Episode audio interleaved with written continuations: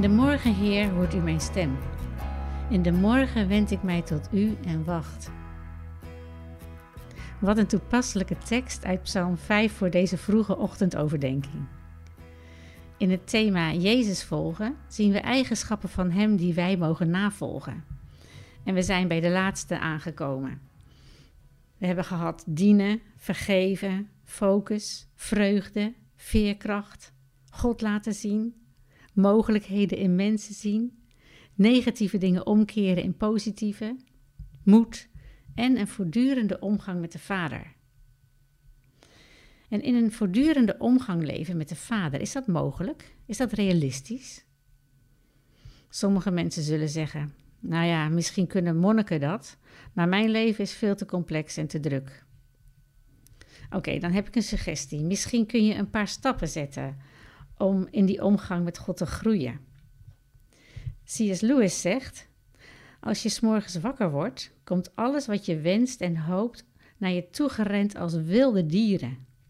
En het eerste wat je te doen hebt, is ze opzij schuiven en luisteren naar die andere stem, dat andere gezichtspunt.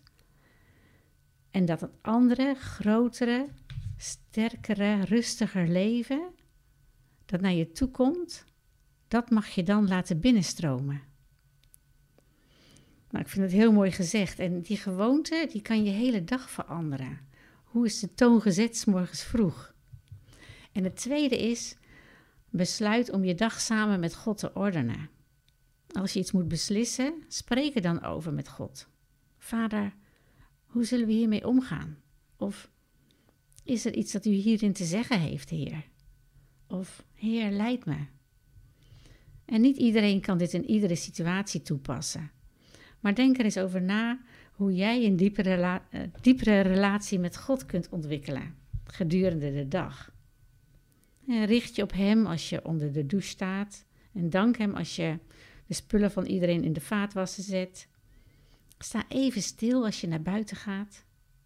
Vraag Hem zijn raad als je op de fiets zit. En dit vraagt een ontspannen nieuwsgierigheid.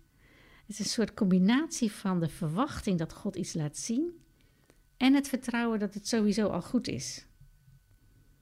Ik vind het altijd heerlijk om te merken dat als ik voor iets alledaags gebeden heb, dat God een antwoord geeft. In mijn werk voer ik veel gesprekken en als een gesprek misschien moeilijk is geweest, maar er is wel een eerlijke blik naar binnen geweest, dan zie ik daar Gods inmenging.